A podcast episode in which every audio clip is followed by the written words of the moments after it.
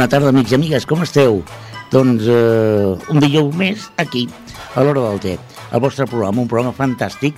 Per què? Doncs perquè es fa a Ripollet Ràdio, perquè és el 91.3, perquè el podeu escoltar per internet a través de ripolletradio.cat i perquè si alguna cosa ens caracteritza és que sempre tenim gent i temes molt interessants.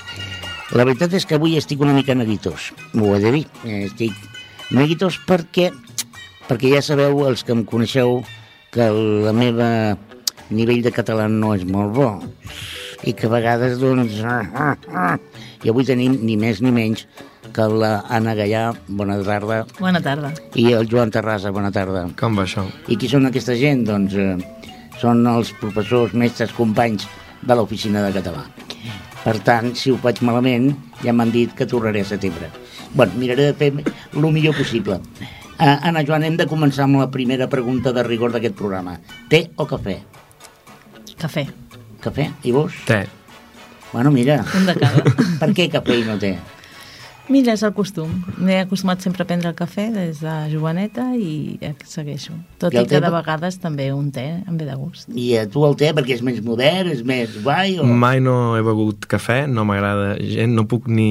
Què dius? Gens, sóc anticafè. Ui, ui, ui, ui, De la Lliga ui. Anticafè, per això té. Bueno, per això em t'hem convidat. Així ja veus que ens complementem. No, no, és perfecte, és perfecte, l'Anna i el, i el Joan, el Joan i l'Anna. Escolta, eh, avui escoltarem el programa va dedicat al llenguatge i tindrem dues parts.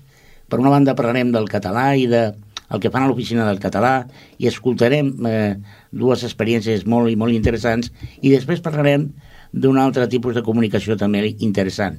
Potser no verbal, però que és un sistema de comunicació de les germanes Arrieta de Sant Sebastià que es, fan, eh, es comuniquen a través dels moviments dels ulls. Però això ja, ja parlarem més endavant. Escolta, Anna, l'oficina del català en aquests moments a quanta gent està atenent? A tots els que podem, a tots els que passen a veure'ns. A veure, lamentablement, com a, a, passa actualment a molts llocs, doncs no disposem de tots els mitjans que ens agradaria amb la crisi. Però la nostra filosofi- filosofia de feina és atendre a tots, els, intentem donar el més bon servei que puguem, intentem atendre'ls a tots i en cas que nosaltres no tinguin cabuda amb els nostres cursos, intentem informar-los per derivar-los a, a, a Cerdanyola, a Montcada, a altres poblacions del voltant, però sempre intentem acollir tan bé com sigui possible. Molt bé. Esteu ubicats al Centre Cultural, Exactament. en allí teniu el, el Chiringuito, Sí. i és un servei gratuït? Eh, la- D'entrada, la, la informació és gratuïta, això sempre. Mhm. Després informem de recursos en línia que són gratuïts i si el que vol les persones que ens venen a veure és un curs presencial, llavors s'ha de pagar una matrícula amb diferents preus segons la durada, segons la situació de les persones que vinguin, etc etc. Mm -hmm. I feu tots els nivells, des de el 0 a l'elemental, com seria el meu cas, fins al nivell C, no?, també? És a dir, feu tot tipus de nivells de Intentem de oferir de cada nivell un, un curs, un horari com a mínim, sí. En aquests moments això és el que estem fent. Escolteu, és, és, hi ha molta gent que comença i se'n va perquè li fa por, perquè li fa vergonya, o, o el que s'apunta i va, continua i, i, i es queda? La gent eh, se sol quedar. Mm, a classe, de fet, el que s'intenta és mm, perdre la vergonya. Aquest és l'objectiu. I el que és més important, sobretot, és la motivació. La motivació a la vida és essencial i, evidentment, en l'aprenentatge d'una llengua encara més. Per això a classe s'intenta fer tot d'activitats i hi ha una filosofia que, que el que pretén és que l'alumne se senti còmode i comenci a perdre la vergonya, a usar la llengua, a fer-la servir fora de l'aula, i per tant eh, nosaltres tenim molta continuïtat d'alumnes. Suposo que molta gent que us arriba és gent que per eh, tema curricular, per feina, per, ha de doncs, tenir acreditat un nivell concret de català.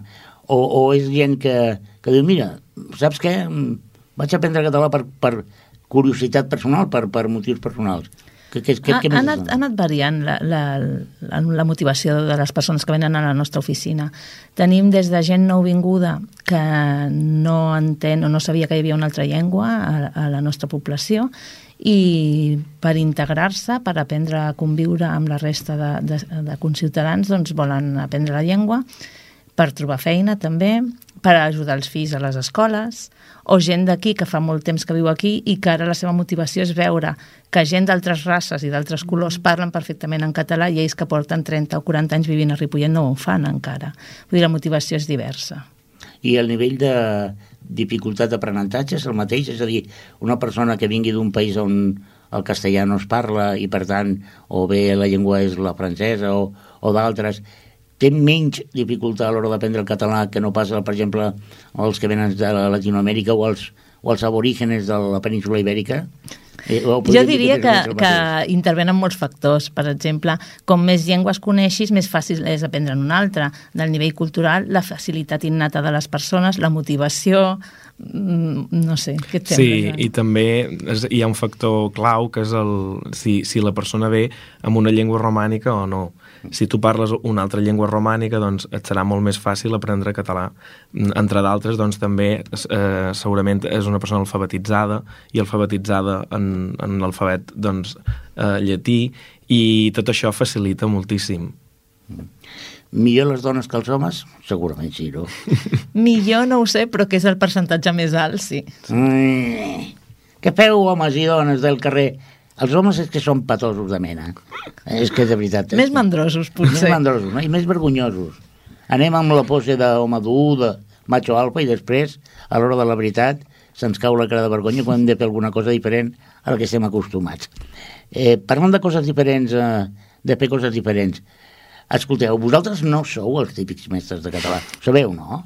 Sí. No, perquè, clar, eh, un quan pensa en un mestre de català amb aprenentatge d'una llengua, doncs imagina una classe, com a molt amb una pantalla de, de televisió, on et posen aquests famosos vídeos de gent parlant en un idioma que no t'acabes d'enterar ben bé de què va, però vosaltres feu moltes activitats. Sí, és a dir, de fet, sí gairebé no esteu mai al Centre Cultural fent català. Sortiu al carrer, veniu a la ràdio. Com va aquesta col·laboració? Enviem whatsapps als alumnes. Sí, sí, sí, com, tenim com, de tot. Com? Tenim grups de WhatsApp amb els alumnes, als diferents nivells. Apa, guaita. Ens agrada trencar tòpics. Volem ensenyar la llengua d'una altra manera i volem que la gent perdi la por a fer-la servir i que la faci servir fora de l'aula, la, que no es quedi, que no sigui una classe de llengua, de gramàtica, i que quan surts tanques el llibre i te n'oblides que has Exacte. fet en els usos reals, allà on realment la llengua la necessitaran per usar-la, no per col·leccionar-la. I això és el que pretenem, doncs, si l'has d'aprendre si a usar, si l'has d'usar, l'has d'aprendre a usar. Has de, has de començar, doncs, si vaig a una botiga, com ho he de fer? Si vaig a la ràdio, el que sigui. I això és el que pretenem. I per això eh, tenim, i dic tenim perquè tant vosaltres com Oficina de Català com nosaltres a Ripollet Ràdio hem establert un vincle gairebé som pareja de hecho, no?, que diguem. és a dir, com, com, com penseu que la ràdio, en aquest cas la nostra, pot ajudar a la vostra tasca de, de treballar amb aquest llenguatge? És una eina útil a la Molt. ràdio per vosaltres? Al Joan li encanta parlar dels mitjans de comunicació a classe i, i una de les seves feines que fa, potser t'ho explicarà millor ell, és fer que els alumnes escoltin ràdio, sentin la tele, llegeixin els diaris. Eh, Joan, no sé si vols sí, comentar sí, alguna no, cosa. És, és allò, quan un, quan un es demana, per exemple, jo perquè vull aprendre una llengua o de què ens servirà aprendre aquesta llengua, una de les, de les coses que surten són eh, tot el que són les, les, els productes culturals. I dins els productes culturals hi ha els mitjans de comunicació. Si tu el que vols és que aquella persona doncs, aprengui aquella llengua, evidentment necessita tenir un contacte amb la tele, la ràdio, la música, el, el cinema, tot el que es produeix en aquella llengua, que això també motiva, perquè la gent se n'adona que allò és real, que hi és i que hi ha una gent que parla. Aleshores, quan evidentment a classe has de treballar de la cuina, de, de, el que fas és mirar quins programes de cuina hi ha i fer que els alumnes doncs, els puguin eh, visionar i d'aquesta manera mm, és una experiència real. A més, jo voldria afegir que també eh, una mica la nostra filosofia de treball és que ens retroalimentem no? amb, amb la ràdio, hem d'aprofitar els recursos de què disposem a la nostra població. Uh -huh. Llavors, eh, la ràdio, eh, quan ens necessita perquè té un dubte, qualsevol cosa, doncs ens té al costat i nosaltres també sabem que podem comptar amb la ràdio i penso que també hem de saber aprofitar aquests recursos, donar a conèixer a la resta de població, als nostres alumnes, què s'està fent a Ripollet, doncs la ràdio és una de les coses importants. Mm -hmm. Per nosaltres és un plaer col·laborar amb vosaltres, que us sapigueu, eh? bueno, després ja us passarem la factura, però bueno, no, és broma, és broma. Eh, ara escoltarem un, un conte eh, que vull que m'expliqueu una mica, perquè eh, de fet avui escoltarem dues pràctiques, podríem dir-ho així, de diferents grups de, de, amb els que treballeu, i el primer que escoltarem és un, un conte, i vull que m'expliqueu una mica eh, de què va això d'aquest conte i per què i què passa amb aquest conte, que és molt interessant. Doncs si et sembla t'explico la prèvia i després Endavant. deixo la paraula al Joan. Endavant. Doncs vam saber que l'entitat Com Soc eh, oferia la possibilitat aquest any de participar a les... Perdona, perdona, has dit com soc? Com Soc, que és... com- Comunicació social. Comunicació social. És una entitat que fomenta la tradició oral, la comunicació la, oral i la transmissió doncs, de costums de, dels, del nostre país i d'altres països, per donar a conèixer, per conservar no? aquesta tradició oral. I oferia la possibilitat aquest any a les escoles d'adults i a l'ensenyament de català per adults també de participar en un concurs que fins ara es dedicava només a les escoles, s'adreçava a l'ensenyament infantil d'educació primària i secundària com que nosaltres ens engresquem en totes les activitats que són sortir de l'aula, doncs de seguida amb el Joan en vam parlar i vam pensar que era una, una bona idea i una motivació per als alumnes doncs, participar en aquest concurs de contes. El com te l'explicarà millor el Joan. I aleshores nosaltres, després de rebre aquesta iniciativa, el que el primer que vam fer és demanar als alumnes si s'hi si, si, si engrescarien, si els venia de gust, i ens van dir que sí, que també són molt entusiastes, i per això van començar a treballar el conte amb el, s'ha de dir que és amb el nivell elemental, vull dir que són persones que parlen el català però que han fet el bàsic i ara fan l'elemental. Uh, per tant, és un nivell encara mm, d'aprenentatge. I com vam enfocar l'activitat del conte? Doncs a classe cada dia destinàvem una part d'això durant un parell de mesos, a, a, primer de tot vam haver de decidir mm, doncs, de què volíem parlar, la història del, del conte, no? que volíem explicar. I després, sempre per grups, eh, mm, s'anaven proposant diverses idees, diversos desenvolupaments, podríem fer això, no, jo crec que allò, diàlegs, i sempre entre tots anàvem consensuant mm, doncs el que, el que quedava al conte i el que no. I d'aquesta manera, fins que al final va sortir el conte que avui sentireu. Doncs què us sembla si sentim aquest conte i després continuem parlant amb, amb l'Anna Gallà i amb el Joan Terrassa.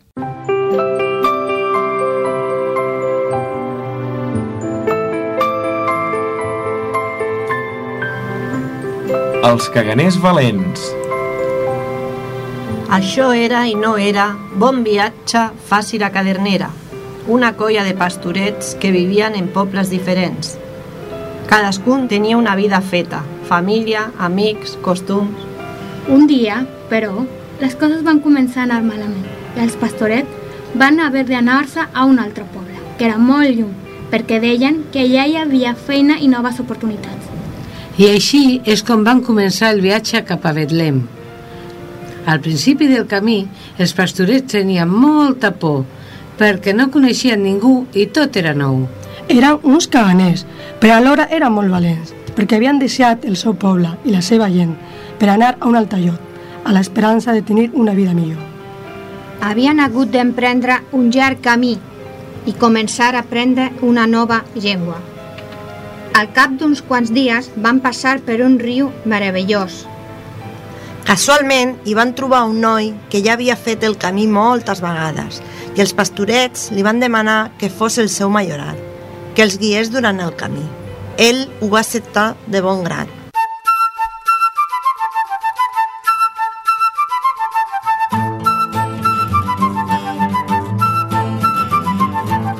Aquell mateix dia, un pastoret va dir No m'agrada aquest camí. No t'agrada o no el coneixes? Abans de conèixer una cosa, no sabem si ens agradarà. Per què no ho intentem? Va demanar el majoral. Una setmana més tard, altres pastorers van exclamar. Tot això és molt difícil. Difícil o diferent? Tot el que no sabem fer ens sembla difícil. Per a només és diferent. Ho provem? Va replicar el majoral. Quan ja havia travessat la muntanya, es va sentir un pastorer que deia No puc més, no puc continuar. No puc o no vull. Ànim, pastorers, voler és poder. Va respondre el majoral, i és que ell sempre els ajudava a continuar el camí, a fer-lo més planer. Sovint els encoratjava així. No patiu, gaudiu! Al cap d'un temps, però, els pastorets ja s'animaven entre ells mateixos, treballaven tots junts i havien après manera d'adaptar-se a la nova situació. I el que és més important, havien descobert que entre tots formaven un gran equip. Cada peça era imprescindible. Cap al final del camí, els pastorets ja es parlaven en la mateixa llengua, en català. A més, tots havien après paraules de les altres llengües dels pastorets i també costums i tradicions de les seves cultures d'origen. S'havien enriquit moltíssim i havien fet nous amics. I just en aquell moment és quan vaig veure Belém. Ja hi havien arribat. Estaven tots tan contents? Durant el camí havien après moltes coses noves i havien vist que eren capaços de fer tot el que es proposessin. Per això van decidir fer una gran festa de celebració i van riure i ballar, fins que el sol es va tombar. Bona sort a tothom! I vet si un gat, vet si un gos, aquest conte ja s'ha fos. Rondalla contada, rondalla acabada.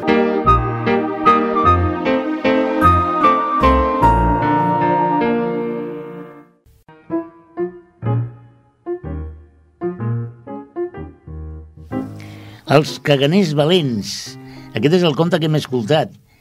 Escolta, és, és molt interessant com, com, com, com va néixer aquest, aquest guió, aquest argument dels caganers valents? Bé, d'alguna manera el que volíem reflectir precisament és, el, és fer una metàfora del procés d'aprenentatge que, que tenen els alumnes a l'aula, des del dia que, que, que han de deixar els seus llocs d'origen i venen aquí fins, eh, doncs, mm, totes... mm, No, no, vol, no volen mm, dir que aprendre una llengua és una cosa mm, fantàsticament fàcil i meravellosa. Té, de vegades, algunes dificultats, però aquestes dificultats es poden superar i se superen, i al final doncs, té un, una recompensa. I és el que hem volgut fer, una, un, d'alguna manera, una metàfora del que fan aquestes persones cada dia. Doncs felicita de la nostra part aquest grup que ho ha fet d'una forma extraordinària. Bé, i ara escoltarem una altra pràctica eh, que té per títol Tot cuina. Uh -huh. Explica'ns una mica què és això del tot cuina. Bé. Perquè precisament els cuiners, entre vosaltres, eh, el català, vull dir, el Ferran Adrià serà el millor cuiner del món, però com a lingüista, eh, no? Com, com us va ocórrer treballar amb aquest aspecte?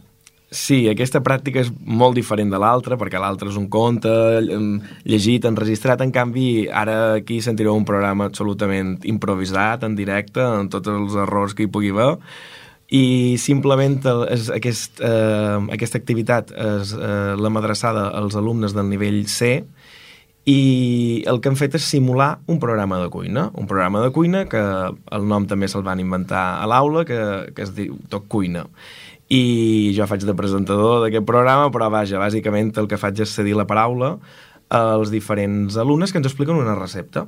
Ah. Primers plats, segons plats i postres.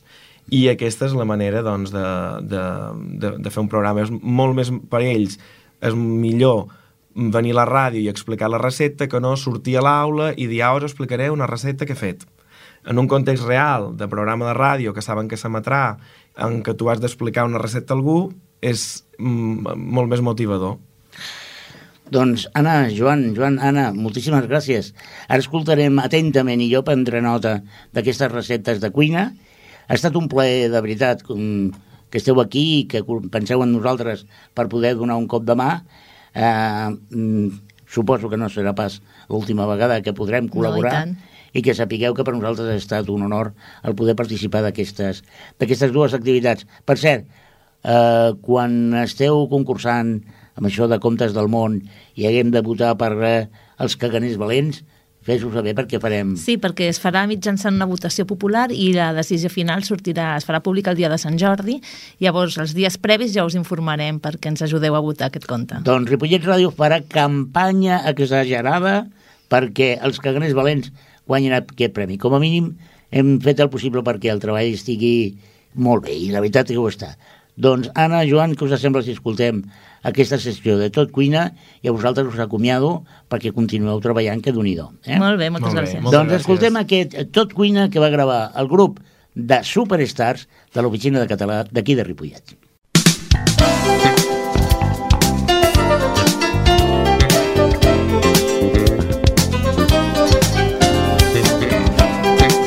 Bon dia, benvinguts a Ràdio Ripollet, al programa Tot Cuina. Avui tenim una edició molt especial perquè comptam amb la col·laboració dels alumnes del nivell C del Consorci per a la Normalització Lingüística. Farem uns primers plats, segons plats i després unes postres. Bon dia, Sara, com anem? Bon dia, Joan. Molt bé, i tu? També, gràcies. Què ens explicaràs avui? Doncs jo avui us explicaré la recepta de la coca de verdura. Coca de verdura. Molt Sí. bé. I què necessitarem? Doncs els ingredients necessaris per a aquesta coca per a 8 persones són un quilo de bledes, dos pebrots, un de verd i un de vermell, dues cebes grossetes, dues llaunes de tonyina, un pot de tomata fregida, un got de cervesa, un got d'oli d'oliva, un pessic de sal, farina i pinyons. Molt bé. I per l'elaboració? Doncs per l'elaboració de la recepta us l'explicaré en dues parts. Una part serà la preparació de les verdures i l'altra la preparació de la pasta de la coca. Si us sembla bé, començaré per la part de les verdures. Per la preparació de les verdures, el primer que hem de fer és bullir les bledes. Després agafarem els pebrots i les cebes, els tallarem a trossets i ho posarem tot a fregir en una paella amb oli. Quan ja estigui agafant color, eh, afegirem la tomata i darrerament la tonyina. Eh, tot això ho barrejarem tot barrejat i ho afegirem a les bledes. Un cop ja tenim les verdures preparades, les deixarem per després. Ara us passaré a, explicar com es prepara la pasta de la coca. Per fer la pasta de la coca, el que hem de fer és agafar un recipient on hi posarem el got de cervesa, el got d'oli, el pessic de sal i anirem incorporant la farina a poc a poc mentre que anem mm, pastant tots aquests ingredients ben pastats fins que agafi una consistència una miqueta més dureta i homogènia. Un cop tenim la pasta feta, el que farem és estirar-la ben estirada en una safata de forn agafarem el sofregit de verdures d'abans i ho extendrem tot ben extès a damunt de la pasta. Aquí també hi af- hi afegirem els pinyons. Doncs ara ja tenim la, la coca preparada, només ens queda coure-la al forn. La posarem a coure durant uns 25 o 30 minuts aproximadament a una temperatura d'uns 180 graus. Això sí, hem d'anar vigilant de tant en tant el forn perquè no se'ns cremi la coca. Un cop estigui cuita la copa, esperarem a que es refredi i ja podrem menjar-la.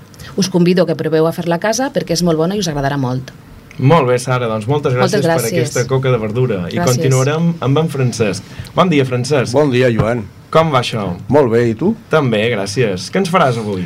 Bé, avui faré una recepta que es diu musclos amb salsa picant. Uh -huh. I què necessitarem? Els ingredients per quatre persones són un quilo de musclos, una ceba grossa, un bitxo, una cullerada de pebre vermell, dues fulles de llorer, mig quilo de tomàquet fregit, sal i oli i un gotet de vi blanc. Entesos? I l'elaboració en què consisteix? Bé, en primer lloc hem d'agafar els musclos i obrir-los al vapor amb el vi i el llorer. Una vegada fet aquest pas, posem, posem una cassola al foc amb, amb l'oli i quan estigui calent afegim el bitxo. Una vegada que hem sofregit una mica el bitxo sense que es cremi, a continuació posarem la ceba ratllada. Quan agafi eh, color és hora de posar el pebre vermell. Remenem perquè no es cremi i incorporem el tomàquet i un pessic de sal. Quan estigui fet el sofregit és l'hora d'afegir els músculs. Una vegada eh, afegits els músculs, filtrem el suc i ho incorporem a la cassola. Ho deixem bullir una mica i ho tastem de, de sal. I ja podeu gaudir d'aquesta recepta. Molt bé, doncs moltes gràcies per aquests musclos, Francesc. Gràcies. I ara continuarem amb en Juanjo. Juanjo, bon dia. Bon dia, Joan. Com anem? Bé, i tu? També, moltes gràcies. Què ens faràs avui? Bé, avui us faré un plat que jo li he dit, jo l'he anomenat borratxes cremoses a la meva manera. Uh -huh. És un plat d'autor, però no us amoïneu, que no és gens difícil de fer. Molt bé, i què necessitarem per fer aquest plat? Bé, per fer aquest plat, els ingredients que necessitarem per quatre persones són un manat de borratxes de borratxes d'un quilo, aproximadament, quatre grans d'all, un bitxo basc o tres caienes, 75 grams de pernil salat tallat a tauets, una mica de julivert picat, oli d'oliva verge extra, flor de sal del delta, és important fer país, i 25 grams de farina de blat, una culleradeta, més o menys. Molt bé, i ara passarem a l'elaboració, oi? Sí, ara passarem a elaborar el plat. Primerament, heu de posar a bullir aigua en una cassola. Quan l'aigua estigui bullint, poseu-hi les borratges i bulliu-les 12 minuts, perquè quedi una textura mm, que els italians diuen al dente.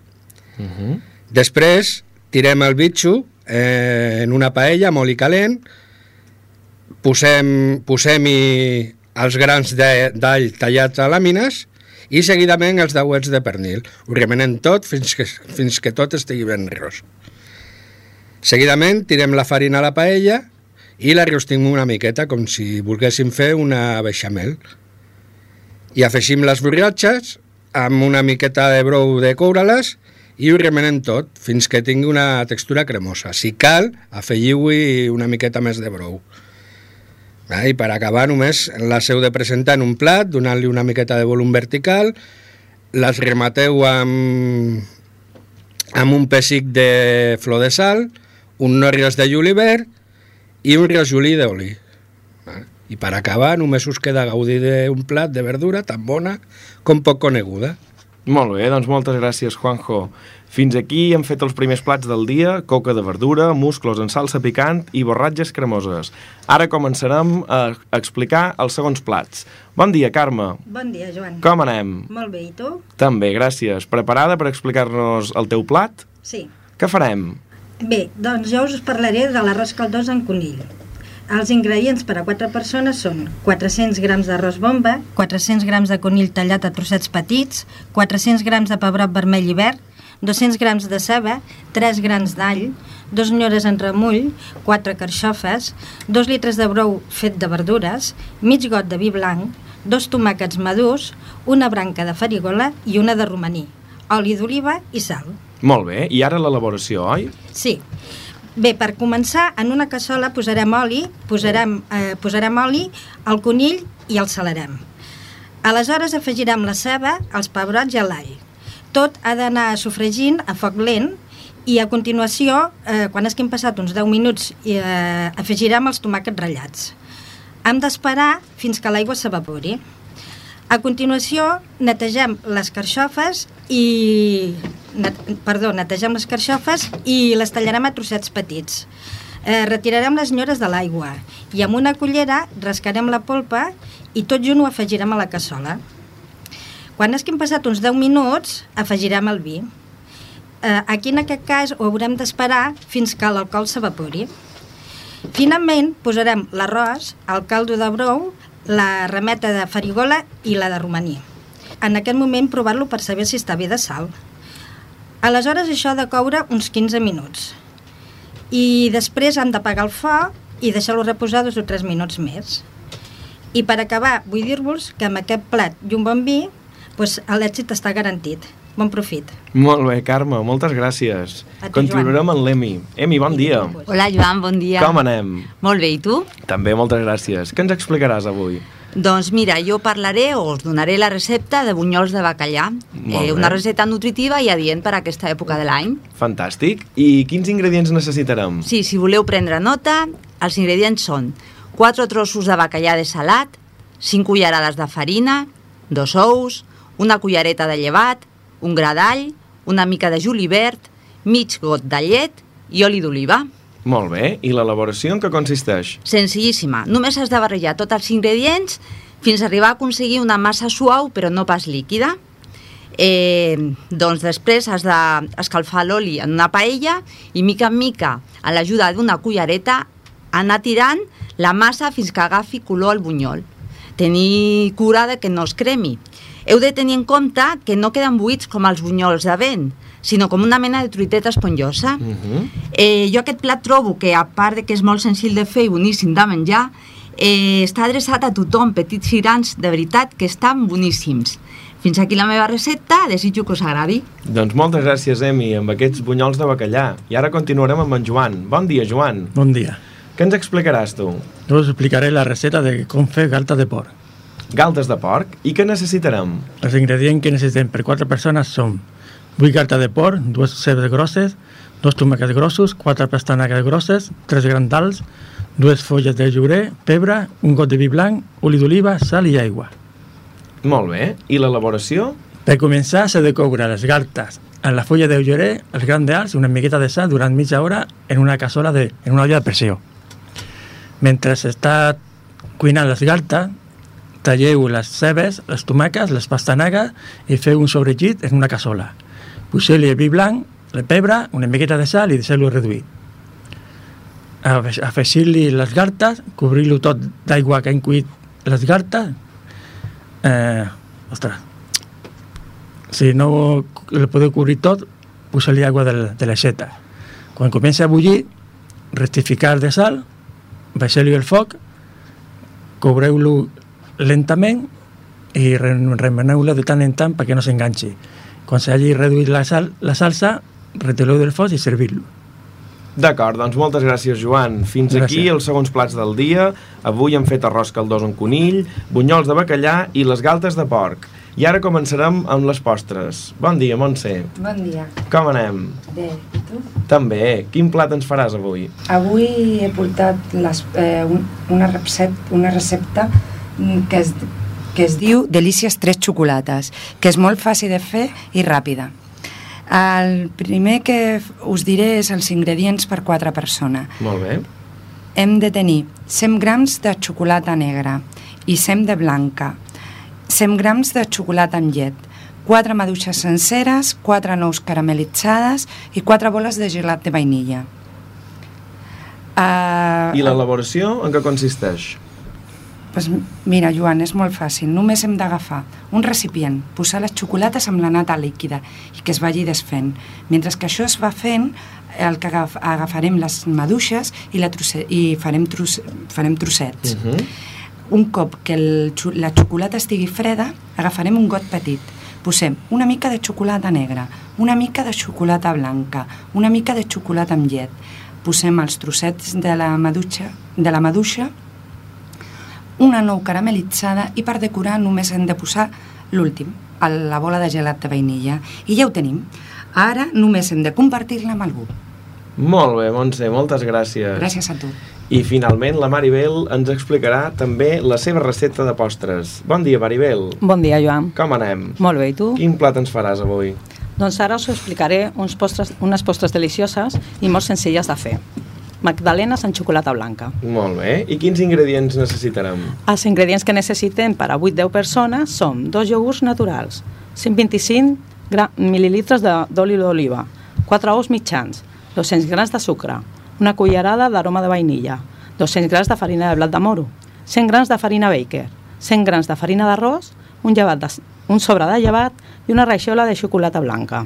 Molt bé. I ara l'elaboració, oi? Sí, començarem preescalfant el forn a 200 graus. Després agafem tots els, llicra, eh, els líquids, el sucre i els rovells d'ou i els posem en un bol gran i que sigui fondo. Uh -huh. Ho remenem tot fins que quedi tot ben mesclat. Agafem les farines, el sobre de llevat i ho remenem tot, però no cal batre-ho. Per una altra banda, agafem les clares d'ou i s'han de muntar a punt de neu. Tot seguit agafem les clares muntades i les mesclem amb una massa. S'ha de remenar molt a poc a poc perquè quedi tot ben mesclat. Ho repartiu als motlles. Ho posarem al forn prèviament prescalfat. S'ha de baixar la temperatura fins a 160 graus. Enfornem durant 20-25 minuts. Per acabar, agafarem la, la xocolata blanca i la desfem amb una, mi- una miqueta de mantega. Treien les magdalenes del forn i amb un pincell pintem la part de sobre de les magdalenes i així ja la tenim gestes per menjar. Per acabar us desitjo molt que us agradin aquestes magdalenes casolanes que són molt, fàcils de fer i molt bones, molt boníssimes. Són molt boníssimes. Molt bé, Maribel, moltes gràcies. Doncs fins aquí el programa d'avui. Uh, recordeu, com sempre, que penjarem les receptes de, de tots aquests plats que hem explicat al web de Ripollet Ràdio. Bon dia i fins dijous vinent. Gràcies. Gràcies.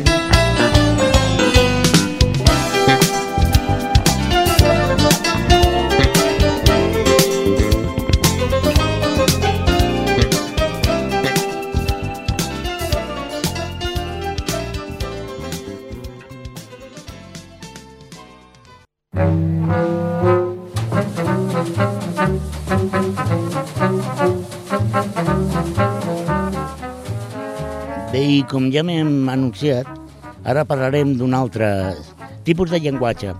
Hem vist com la gent que vol aprendre un idioma doncs pot fer un munt de coses per, eh, per cada vegada fer-ho millor i per la millor.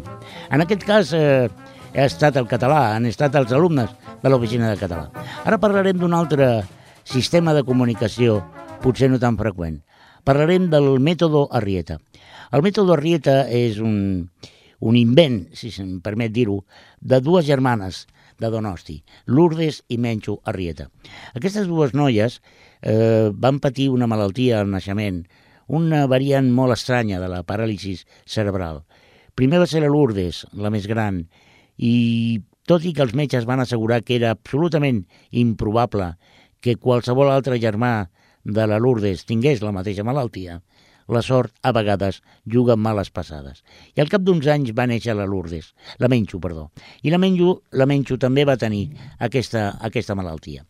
Una malaltia que els hi va impedir parlar, sobretot Lourdes. Lourdes era una, una noia que des de molt petita doncs, eh, va intentar comunicar-se amb els demés, sense poder utilitzar la paraula ni els sons. La seva malaltia li afectava els òrgans ponedors i això li impedia emetre qualsevol tipus de so. I la Menxo, doncs, eh, que pot parlar una miqueta, tot i que no se l'entén gaire bé, doncs formaven una parella absolutament increïble. I què va passar? Doncs va passar que a vegades la necessitat de comunicar-se és molt més gran que eh, el vehicle que utilitzem. I entre elles, els seus pares van descobrir que hi havia alguna cosa més que mirades. Veien com una i l'altra es miraven i Menxo reia i Lourdes reia i no acabaven d'entendre ben bé què és el que passava. Doncs bé, de forma natural, de forma espontània, tant la Lourdes com la Menxo van descobrir que mirant-se podien entendre'ns. Sí, sí. I com és aquest sistema?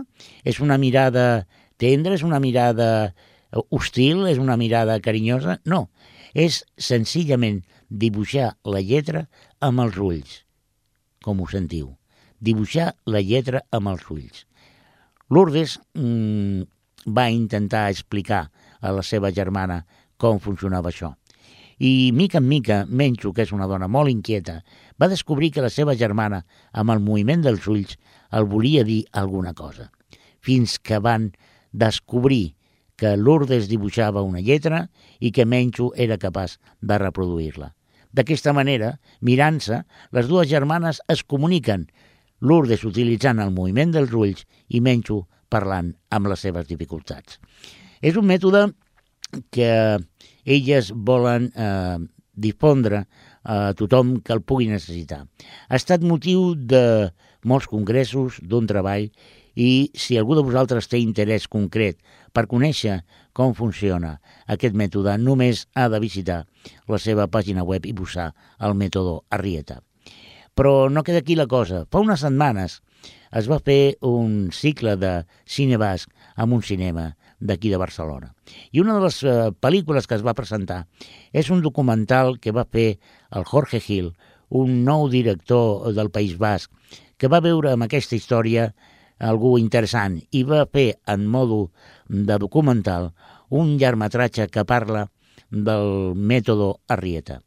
Eh, L'Hora del Té va ser-hi, va ser-hi en aquest passe d'aquesta pel·lícula, pel·lícula que he de dir que va ser, a més a més, un cinefòrum, com es feia abans. Després de la pel·lícula, les dues germanes van eh, contestar amb les preguntes que li feia el públic que va assistir, el públic que va quedar absolutament esparverat de com era aquest mètode, i Lourdes, a través dels seus ulls, i Menxo, a través de la seva parla una mica complicada, van contestar a totes i cadascuna de les preguntes que tenia el públic assistent. Al final de la pel·lícula van tenir la possibilitat de fer una petita entrevista al director Jorge Gil, que, que escoltarem a continuació. Bien, pues nos encontramos con Jorge Gil, el, el director de, de, este, de esta película, Método Arrieta. Jorge, ¿cómo, ¿cómo decides hacer un documental, una película del Método Arrieta? Pues mira, todo el mundo que me, que me tenía aprecio me recomendaba que no la hiciera. Porque, claro, me decían, pero ¿cómo vas a hacer esta película con dos personas que prácticamente no pueden hablar ni, ni tienen movilidad? Pero esto va a ser eh, como aburridísimo, ¿no? De ver y tal. Y, pero bueno, yo lo tuve bastante claro. Eh, primero las conocí a través de su blog, que es donde tuve conocimiento de toda esta historia, y después ya una vez las conocí en persona, yo sí que no tuve ninguna duda, ¿no? O sea, me parecía que eran dos personas que, que cautivaban, o sea, muy seductoras, ¿no? Eh, por la forma que tienen de mirar la vida, por eh, la actitud con la que la afrontan. El método Arrieta hace, el título del documental hace alusión no solamente a su sistema de comunicación, sino también pues a una manera de encarar las dificultades y de tomarse la vida que eh, yo creo que a todos los espectadores que han visto la película les, ter- les termina impresionando, ¿no? ¿Es tu primer trabajo como, como película? Sí, sí, sí. Eh, por eso también me, no- me desaconsejaban meterme en este, en este fregado. Me decía, joder, vaya estreno en el mundo del cine, ¿no? Qué complicado todo. Yo venía del, más bien del mundo del guion. Ya había escrito bastante. Y esta película entrañaba una dificultad y era que eh, había que hacerla sin guion. Es decir, el guion se iba construyendo según mm, las cosas que nos iba dando la realidad, ¿no? Entonces la realidad yo creo que fue bastante generosa en cosas. Eh, claro, en la grabación eh, duró como tres años.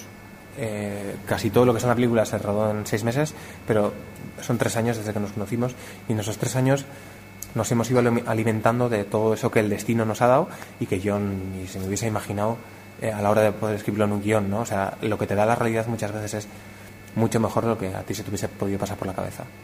¿Cuál ha sido la, más- la mayor dificultad que has encontrado a la hora de, de plantearte este reto, esta película? Bueno, eh, yo creo que hay dos momentos eh, complicados. Uno es el de decidir al principio de todo qué forma le vas al documental. O sea, porque puede ser un documental con voz en off, un documental con fotografías, puede tal. Eh, nosotros no, nosotros quisimos eh, que sobre todo el hoy, el presente, tuviera su peso y verlas en funcionamiento hoy, ¿no? Cuando decimos ya una vez cuál era la forma, la parte difícil de verdad yo creo que vino al final. Es decir, el rodaje fue todo muy bien, hubo muy buen ambiente, pasaron muchas cosas, pero claro, eh, terminamos con un material que, que ocupaba como unas 110 horas. ¿no?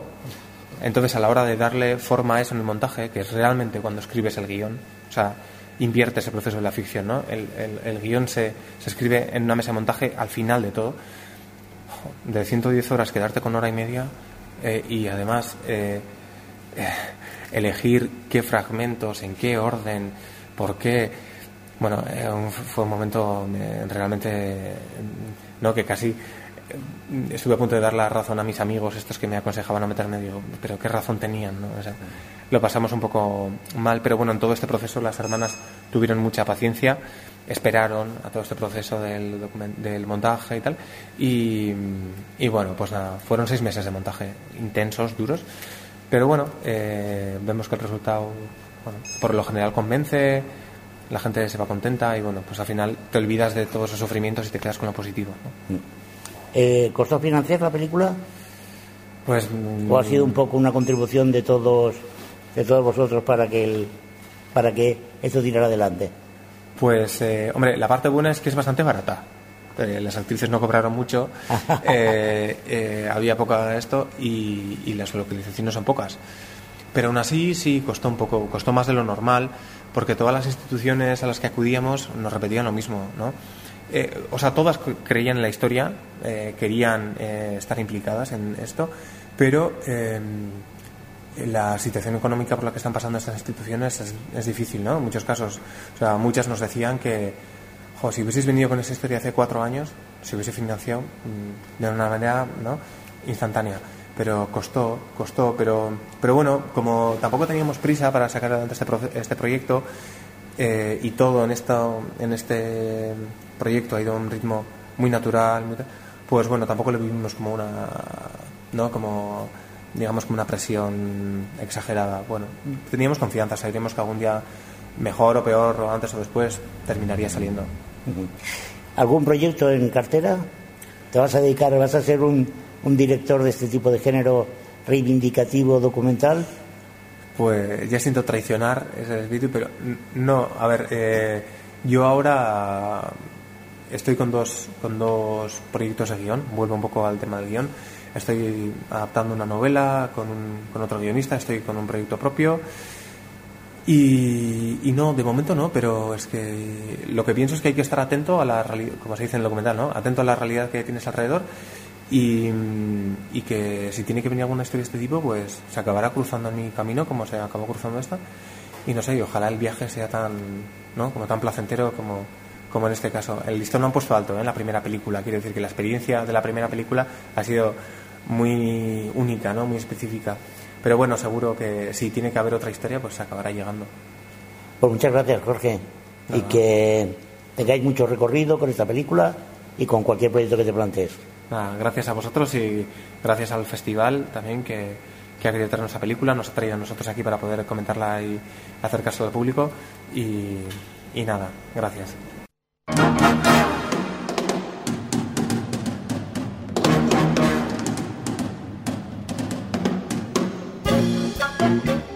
Vam escoltar les paraules de, de Jorge Gil, el director d'aquest documental, i he d'explicar una mica que tot i que pugui semblar estrany aquest sistema de comunicació, eh, qui conegui a Lourdes i a Menxo se n'adona de que fins i tot és normal. És normal perquè són persones absolutament inquietes, són persones creatives. De hecho, eh, de fet, eh, Menxo eh, participa en, en un grup de teatre i és clown i té un número absolutament extraordinari del qual es veu algun fragment a la pel·lícula El mètode Arrieta. I per molt que sembli increïble, la Menxo, eh, balla flamenco. Sí, sí, balla flamenco. I direu, com una persona amb una gran discapacitat, com és el cas de la Menxo, pot ballar, ballar flamenco? Doncs ho fa i ho fa molt i molt bé. De debò és que, que sí. És, un, uh, és una persona absolutament increïble, eh, tant la Menxo com la Lourdes. La Lourdes, eh, quan la vaig conèixer fa molts anys, eh, em va sobtar sobretot la seva capacitat de síntesis, la seva capacitat per generar titulars, perquè, clar, la, el mètode del moviment de l'ull, eh, tot i que no necessita cap estri ni cap material accessori, no és un mètode molt ràpid. Diguem-ne que és un mètode per poder contestar eh, frases eh, curtes però intenses. I la Lourdes té aquesta habilitat, l'habilitat de resumir en quatre o cinc paraules tot un contingut.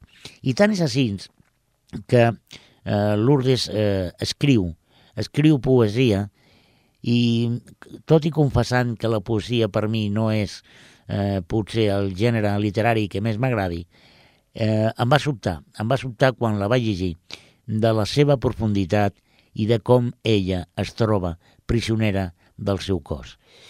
Està casada, feliçment casada, la Lourdes, té una parella increïble, un home que l'estima, i parlant amb ell de, i explicant-li de com va anar, doncs eh, se, eh, no podia dir altra cosa que li van enamorar les seves paraules. És increïble. I la Menxo, doncs, eh, força, energia, simpatia i gràcia. Aquest seria la definició de la, de la Menxo i de la Lourdes.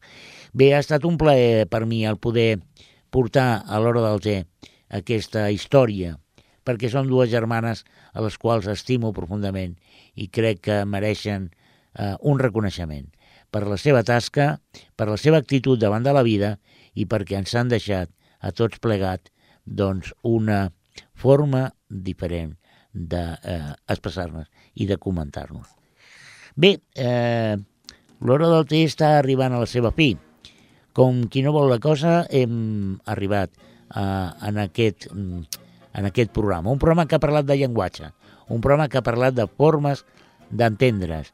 Per una banda, eh, un grup de persones, l'Anna i el Joan, que fan una feina increïble a l'oficina del català, doncs eh, tractant de convèncer a la gent doncs, que s'animi a parlar la nostra llengua i ens han demostrat que amb una mica d'imaginació i utilitzant les eines que es tenen al voltant es pot aconseguir.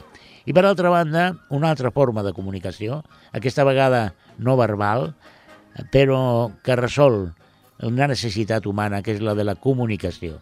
La Lourdes i la Menxo Arrieta, on hi hem escoltat la paraula del director que va atrevir-se a fer un documental amb la, amb la Lourdes i amb la Menxo un documental que, per altra banda, doncs està carregat de sentiments. Bueno, no em vull posar seriós, perquè aquest no és el to de l'hora del té. Eh, que us ha agradat el programa, que li voleu comentar als companys i amics, doncs, que a Ripollet Ràdio han parlat una mica del llenguatge, doncs bé, no hi ha res més que eh, doncs, sintonitzar al 91.3 el proper diumenge eh, de 5 a 6 que repeteix el programa o fins i tot alguna cosa més desgosarada que és entrar a la web de ripolletradio.cat i descarregar-se aquest programa per sentir-ho quan vulgueu. Aquest i qualsevol altre d'aquesta emissora, que sempre t'acompanya i sempre intenta doncs, el fer eh, més agradable aquesta ràdio nostra, la Ripollet Ràdio. Bé, per la meva part res més. Donar-vos una abraçada molt forta i acomiadar-me fins eh, al proper 15 dies, on l'Hora del Té us portarà convidats amb moltes coses que explicar. A reveure.